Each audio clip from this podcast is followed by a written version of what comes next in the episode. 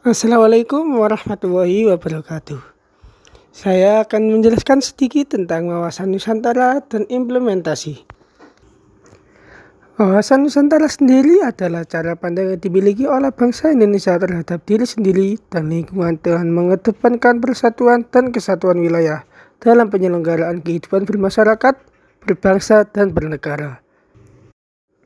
Tujuan wawasan Nusantara adalah mewujudkan nasionalisme yang tinggi di segala aspek kehidupan rakyat yang lebih mengutamakan kepentingan nasional dibandingkan kepentingan individu, kelompok, golongan, suku, ataupun daerah.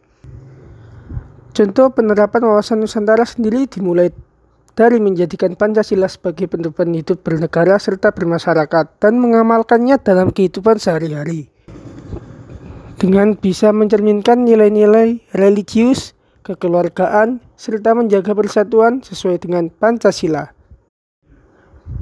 Di bidang pertahanan dan keamanan, implementasi wawasan Nusantara dilakukan dengan membentuk sikap dan kedisiplinan diri dalam membela tanah air. Dalam bidang politik, implementasi wawasan Nusantara memiliki contoh yaitu mengembangkan sikap pluralisme dan HAM untuk mempersatukan keberagaman di Indonesia.